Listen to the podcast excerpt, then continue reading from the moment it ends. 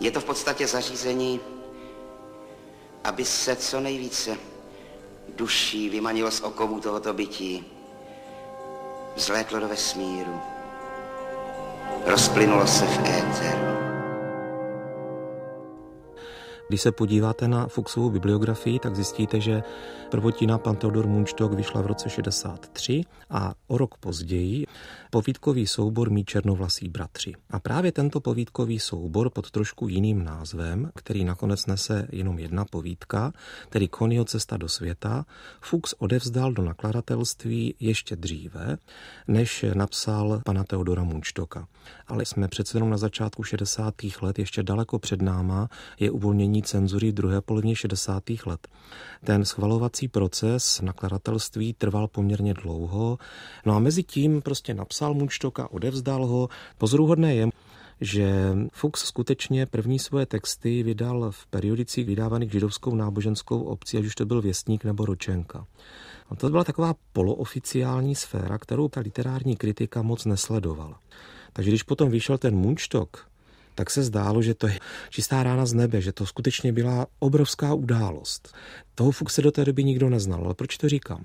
On v těch povídkách takto publikovaných poprvé se tam objevilo příjmení Fuchs, tam je silnější ta příbuznost s těmi židovskými příjmeními.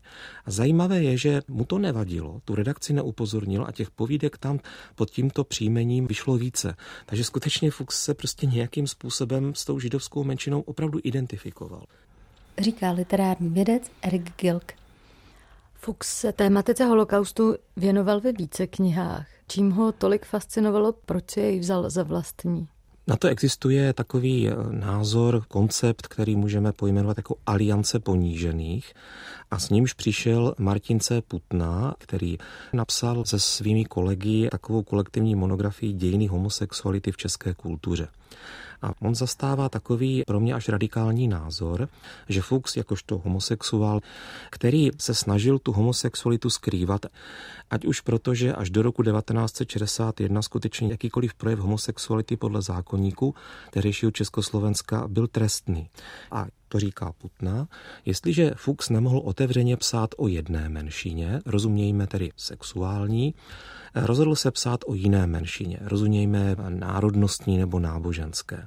Toto mohlo určitou roli sehrát, ale mnohem podstatnější si myslím je takový soucit Fuchsů s těmi židy, s kterými on se znal. Je to vidět v tom povídkovém souboru Mí černovlasí bratři, který je dost výrazně autobiografický, kde on tam podobně třeba jako Škvorecký, taky nebyl židovského původu, sedmi ramenem svícnu, popisuje, jak ti židovští příbuzní nebo kamarádi z těch škol, ať už po své vůli nebo proti své vůli mizeli. Je tam takový bazální nějaký soucit s lidmi, kteří museli čelit smrti, aniž by vůbec za něco mohli. Takhle bych to vnímal spíše já. Navíc ta druhá válečná vlna obecně v 60. letech a vůbec show a holokaust byly, nechci říkat konjunkturální, ale velmi populární témata. A on se, ať už chtěl nebo ne, na té vlně toho zájmu svezl. Ale nelze zase nevidět, že v tom množství těch jeho knih, je jich teda přesně 20 těch pros, tak od už Míší Natálie Muzhabrové se ta židovská tematika, alespoň ta spjatá s tragédií židů za druhé světové války, úplně vytratila. Buď ji suplují křestní jména, a to jsou hlavně děti Natálie Muzhabrové. I to jméno samozřejmě může konotovat židovství, ale oni se jmenují Vezr a Nábule, co jsou typická jména taková jidiš. A potom se to objevuje v oslovení s tmy, kde to je velmi umně zakamuflováno do takové alegorie. Působí to jako dnes velmi oblíbený žánr postkatastrofické prózy a rozhodou okolností tu katastrofu přežije jeden hoch a ta proza je celá stylizována jako rozhovor tohoto chlapce s dňáblem, který ho svádí a mi podepsal smlouvu. A jsou tam takové celkem nenápadné odkazy na to, že právě tento chlapec, který nemá ani jméno, je vlastně představitelem nějakého porobeného národa. A tady ta porobenost zase konotuje židovství, ale později už to tam skutečně nenajdeme. Líčí bohemista a literární historik Erik Gilk. Už pro Fuchsův debit je příznačný motiv strachu, ale vzlíná i v mnoha dalších textech. Jakou roli tedy hraje celkově v jeho díle? O Ladislavu Fuchsovi se hovoří a používá se slovo strach Já si myslím, že strach je příliš silné slovo, že to byla taková úzkostlivost. Že to byl člověk, kterému byla tato vlastnost dána od narození a že s ní pracoval tak, jak uměl. Byl jedináček, vysoce senzitivní. Jeho otec pracoval na kriminálce. Fuchs později říkal nebo psal ve svých pamětech, že se v jejich domě neustále vznášelo tajemství vraždy a ta atmosféra, že byla skličující. Matka se o něj příliš nestarala, takže byl ponechán sám sobě. Říká spisovatel Jan Poláček a literární vědec Erik Gilk dodává. On v podstatě vyrůstal v rodině, kde se mu nikdo moc nevěnoval. Tatínek by se vracel pozdě domů jenom Ladislávkovi spíše nadával a plísnil ho za něco, co neudělal nebo udělal špatně. Maminka měla evidentně nějaké psychiatrické onemocnění. V jeho pozůstalosti jsem našel poměrně sáhodlouhou diagnózu, asi 70 stránkou jeho maminky. Není to podstatné, podstatnější je, že ona trpěla migrénami, zavírala se před ním v pokoji. Čili mu chyběl nějaký komunikační partner. Potom ve škole původně studoval klasické gymnázium, kvůli řečtině přešel na reálné, studoval v Trulhářské ulici a bylo to v době okupace, takže to na něj velice působilo.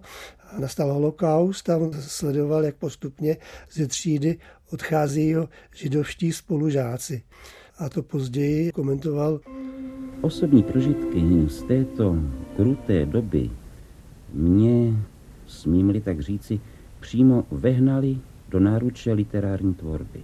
Já byl tehdy sice kluk na gymnáziu, ale dobu s celou její atmosférou, hrůzami a úděsnostmi jsem prožil tak silně, že se to všechno do mě skutečně nesmazatelně vrilo a tak vznikla za čtvrt století má první kniha, novela o panu Theodoru Monštokovi a další povídky mi černovlasí bratři a ta dost autobiografická kniha román Variace pro temnou strunu a nakonec i spalovač mrtvol a některé další. E, několik našich spolužáků židovského původu muselo opustit školu a později šli do koncentráku, vrátil se z nich jeden. E, byla to doba Heidrichiády, lidic, ležáků, staného práva, doba poprav. Si dodnes vzpomínám na ty strašlivé plagáty, e, které den co den na ulicích uveřejňovali jména popravených lidí ze všech koutů Čech a Moravy? Dalo by se říct, že strach je jedno z ústředních leitmotivů jeho vůbec celého prozaického díla. V podstatě ho můžeme najít i jeho poslední proze ve Vodkyně a kuchařka, i když tam v takové zlidovělé podobě. Myslím si, že to nějakým způsobem souvisí s jeho specifickým psychosexuálním ustrojením, jestli to tak můžu říct.